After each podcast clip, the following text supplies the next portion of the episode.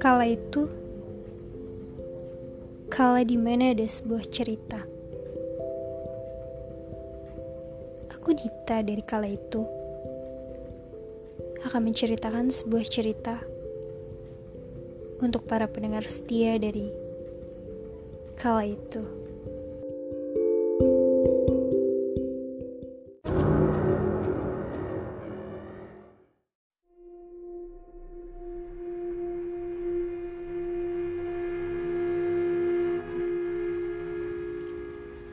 Semua, selamat malam. Aku Dita dari kala itu. Dan malam ini aku mau cerita tentang pengalaman horor yang dialami oleh mamaku. Jadi kala itu spesial malam Jumat malam ini aku mau cerita tentang kejadian horor yang dialami langsung oleh mamaku.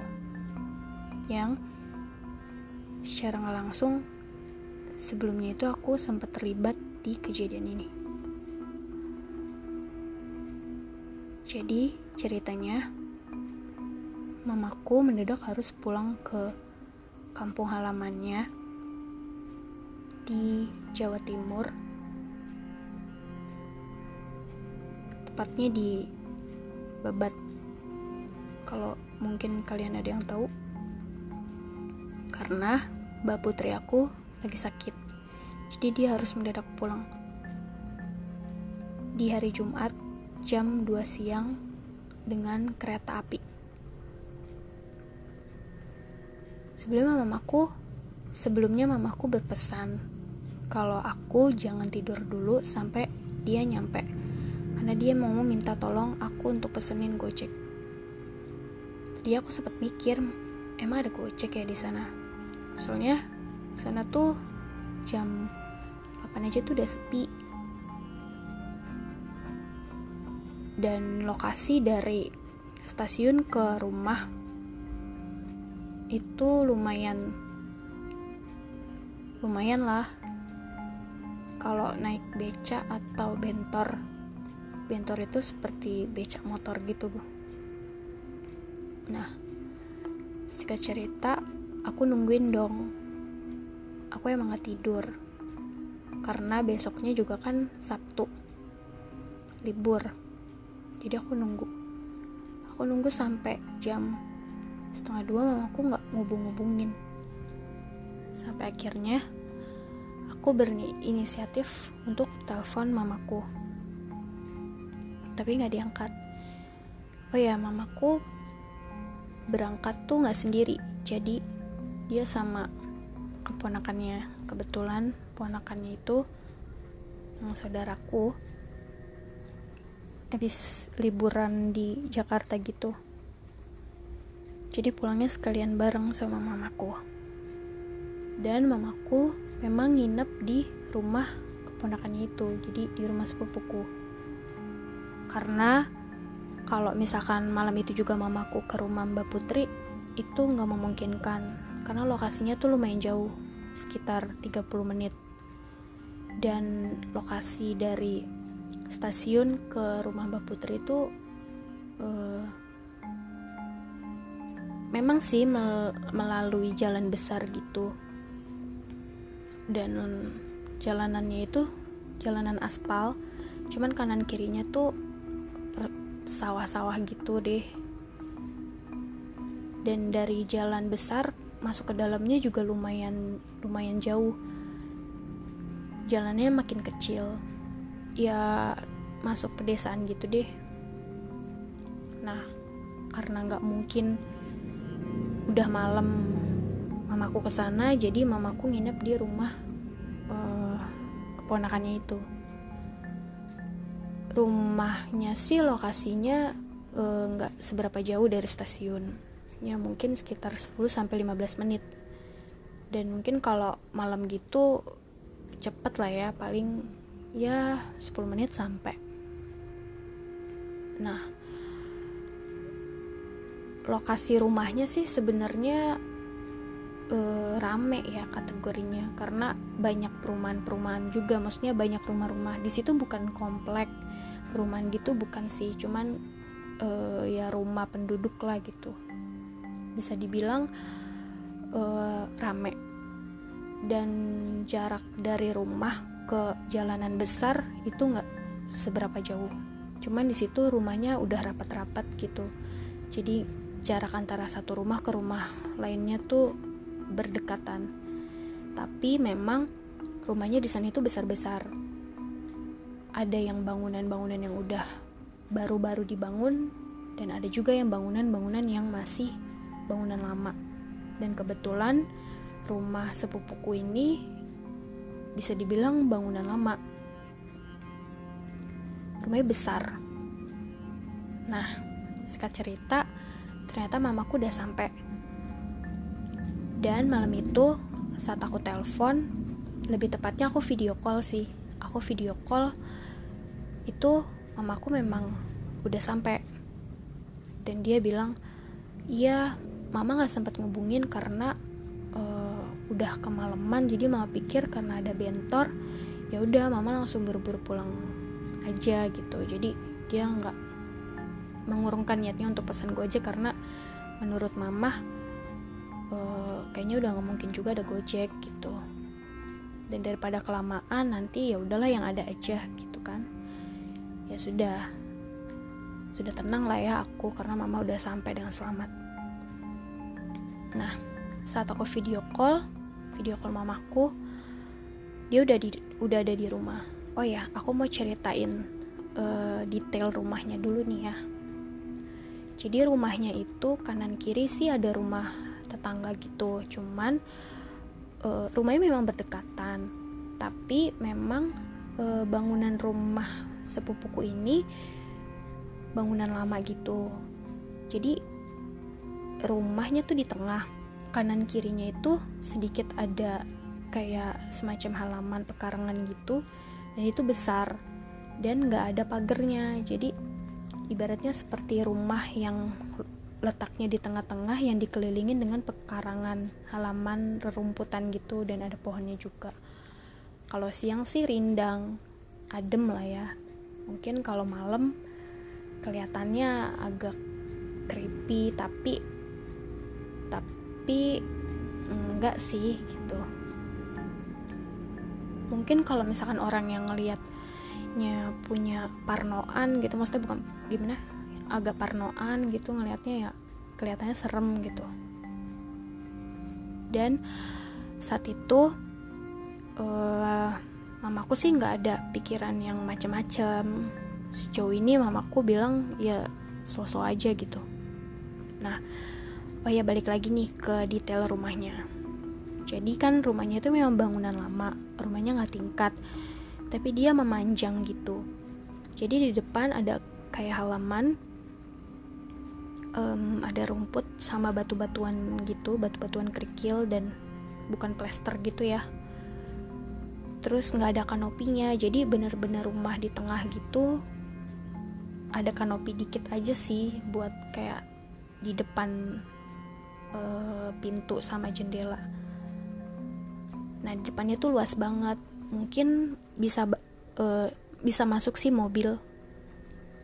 Nah jadi ada samping jadi di rumah tuh ada kayak samping rumah itu memang uh, ada akses untuk masuk dari pintu samping. Nah itu untuk mencuci pakaian. Tapi di situ juga ada sumur sama ada pompa jadi biasanya sepupuku sepupuku itu kalau misalkan nyuci ya di situ. Nah begitu masuk ke rumah di situ ada ruang tamu. Di depan ruang tamu ada kamar. Lalu ada sekat untuk menghubungkan dari ruang tamu ke ruang tengah. Nah di ruang tengah itu um, ada kayak kasur gitu sih. Kasur kayu sama kasur sengaja yang ditaruh ngampar gitu sama tikar. Terus di tengahnya itu memang ada tiang tiang kayak tiang kayu gitu. Dan atap rumahnya itu nggak ada plafon jadi langsung kelihatan uh, genteng jadi kelihatan kelihatan banget gentengnya gitu jadi nggak ada sekat plafon gitu nggak ada Nah, di situ kan ada pintu yang tadi aku bilang, pintu penghubung untuk ke samping halaman yang ada sumur sama e, pompa. Sumurnya sih udah nggak dipakai, jadi ditutup gitu. Cuman di situ pompanya masih dipakai. Nah, habis ruang tengah itu ada sekat lagi dan pintu, tapi e, pintunya itu emang gak, kayak kebuka gitu sih. Itu menuju ke dapur. Dapurnya itu gede banget dan di pojok kanan baru kamar mandi. Nah, pas aku telepon malam-malam itu, mamaku udah berada di rumah. Lokasinya tepatnya di ruang tengah. Dan saat aku video call, mamaku kan kayak handphonenya tuh ditaruh di mana sih? Kayak dia duduk, terus aku kan kelihatan kelihatan dong mukanya mamaku. Cuman secara nggak langsung kan kayak kelihatan ke atap rumah gitu uh, di situ memang aku ngeliat uh, aku pikir itu bayangan aja gitu dan aku nggak mikir macam-macam aku ngeliat ada sesuatu yang aneh. Cuman aku nggak mau ceritain ke mamaku karena pasti mamaku nanti jadi takut dan nggak bisa tidur. Karena mamaku ini orangnya agak agak penakut juga sama kayak aku gitu. Cuman saat aku ngeliat pertama itu aku berusaha untuk berpikir positif aja sih. Oh mungkin itu uh, bayangan atau apalah gitu. Tapi uh, lampunya itu emang terang banget. Jadi di ruangan itu lampunya terang. Dan menurut aku itu kayaknya aku nggak salah lihat gitu. Aku ngeliat ada sesuatu yang kayak nempel di atap rumah itu. Sumpah ini malam dan aku ngerasain mulai merinding. Jadi kayak dia nempel di atap atas gitu. Uh, yang aku lihat itu seperti hanya rambut aja sih.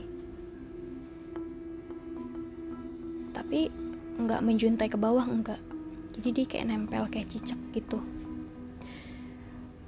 Um, di situ reaksi aku adalah aku mau cepet tutup telepon.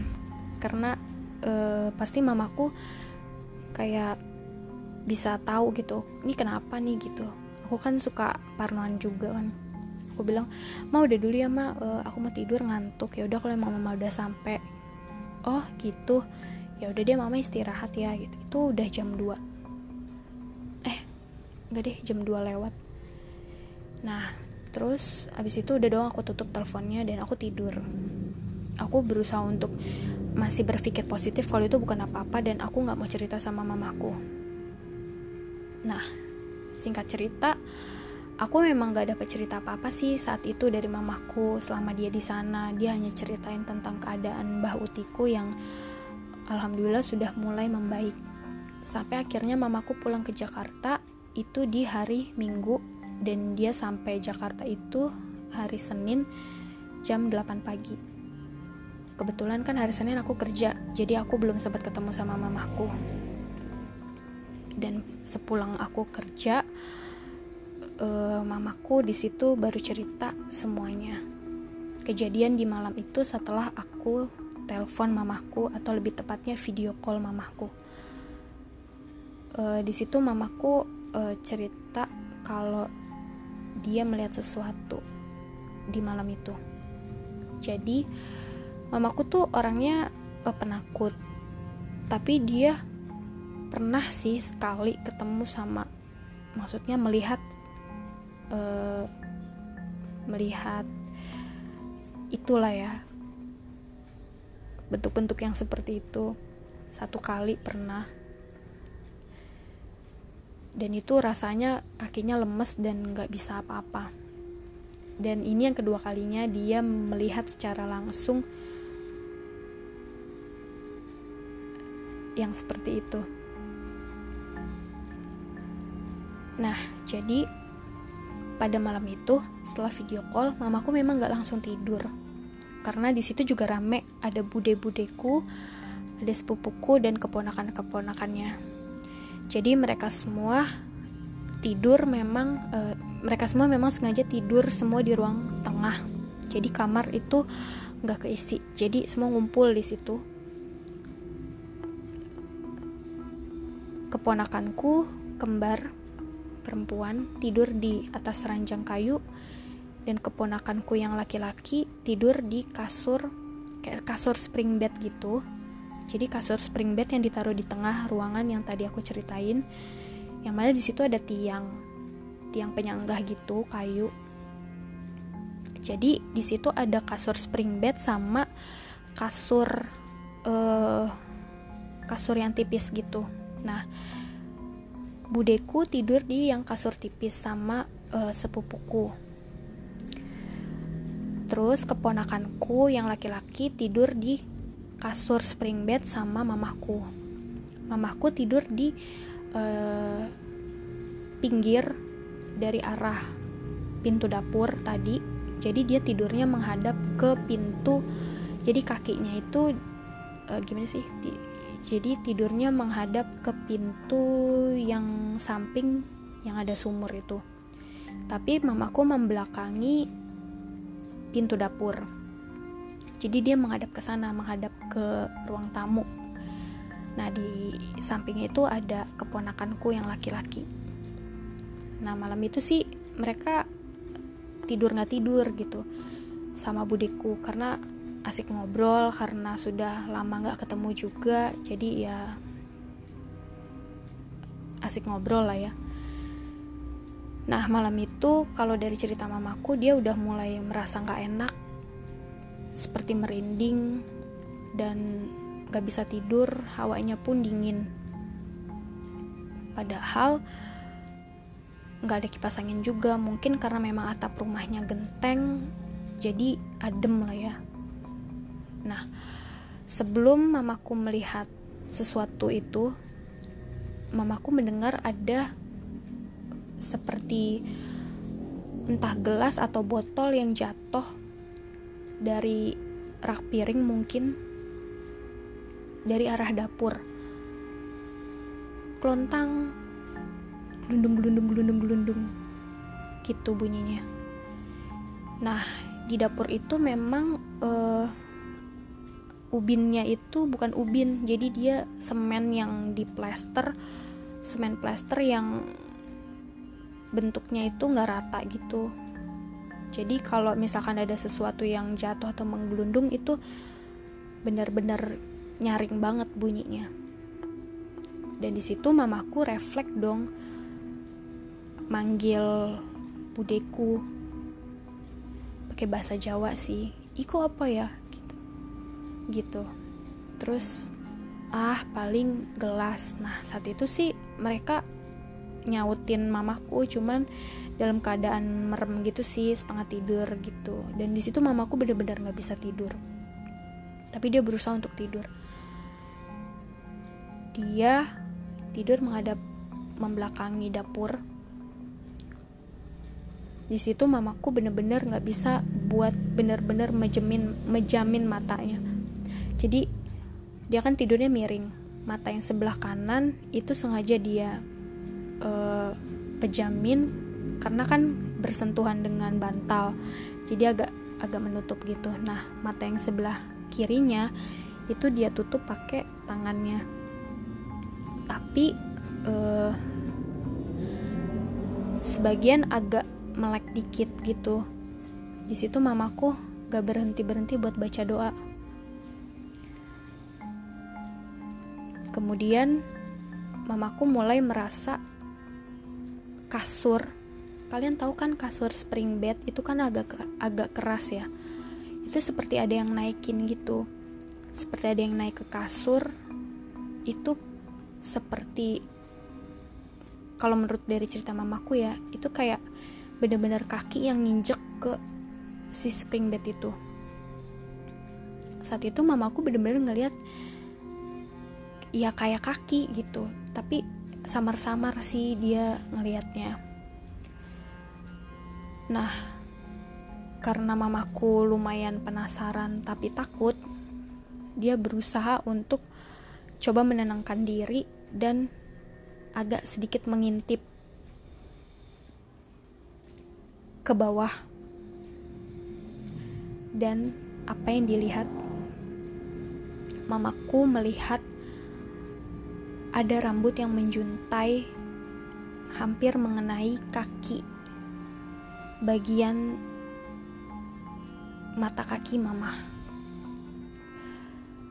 Tapi saat itu bener-bener nggak kelihatan kaki yang menapak ke kasur itu. Cuman dia ngelihat jelas kalau kasurnya itu agak sedikit seperti diinjak gitu. Cuman nggak kelihatan dia cuman ngelihat ada ada helaian rambut gitu kayak rambut panjang yang menjuntai gitu. Dan di situ katanya sih kata mamaku itu uh, jamnya itu jam-jam mendekati subuh azan subuh. Jadi saat itu mamaku benar-benar gak karuan kayak gak bisa apa-apa kayak uh, bingung mau teriak juga gak bisa gitu. Kayak ya udah dia cuma bisa baca doa aja. Ayat kursi segala macem. Nah menurut cerita mamaku sih dia nggak ngeliat sampai ke atas yang dilihat. Jadi dia cuma kayak ngeliat situ ada kayak rambut yang membelakangi gitu. Jadi ngebelakangin mama sih. Tapi dia nggak berani untuk ngeliat secara jelas gitu. Nah saat itu mamaku coba baca doa terus sampai akhirnya itu mamaku bener-bener nggak tidur. Tapi dia berusaha untuk merem-meremin tapi nggak bisa gitu. Karena udah terpaku melihat itu. Sampai akhirnya azan subuh. Dan apa yang dilihat mamaku itu tiba-tiba menghilang dan di situ mamaku baru berani untuk membuka matanya dan memanggil budeku dan sepupuku. Dan akhirnya mereka semua terbangun, tapi mamaku belum bisa berani cerita hal itu. Hanya saja mamaku cuma bilang kalau dia nggak bisa tidur dan lapar, udah itu aja. Singkat cerita, keesokan harinya mamaku masih harus bermalam di situ lagi karena uh, untuk bermalam di rumah Mbah Putri itu tidak memungkinkan karena rumahnya gak seberapa besar karena um, juga ada keluarga lain yang di sana. Jadi mamaku tidurnya di rumah sepupuku lagi. Tapi mamaku seharian lah nemenin Bauti di sana. Karena berhubung udah enakan juga jadi mamaku memang gak nginep di sana. Singkat cerita di malam kedua menurut cerita mamaku sih dia nggak melihat hal itu lagi. Tapi dia masih dalam kondisi ketakutan yang dia rasain sama seperti malam sebelumnya. Tapi dia nggak ngelihat hal itu lagi nggak sama sekali. Cuman merinding dan dingin itu masih dia rasain seperti bunyi-bunyi sesuatu yang jatuh itu masih tapi dia nggak melihat hal itu lagi. Um, mamaku sih nggak berani untuk menanyakan hal itu. Karena takut keponakanku nanti malah jadi takut. Tapi sejauh ini mamaku nggak pernah mendengar cerita itu dari keponakan-keponakanku sih. Dan dia cerita kayak gini pun pas sudah di Jakarta itu pun ke aku. Um, aku kira itu aja sih ceritanya untuk malam ini. Dan sampai sekarang sih aku nggak tahu itu apa dan mamaku juga nggak tahu. Ya apa pun itu ya kita punya kehidupan masing-masing yang berbeda. Jadi ya masing-masing aja asalkan nggak saling ganggu gitu kan. Um, itu aja sih ceritanya. Cerita horor spesial malam Jumat malam ini. Um, buat buat para pendengar setia dari kala itu semoga enjoy dengernya. Uh, sumpah aku merinding dan oke. Okay.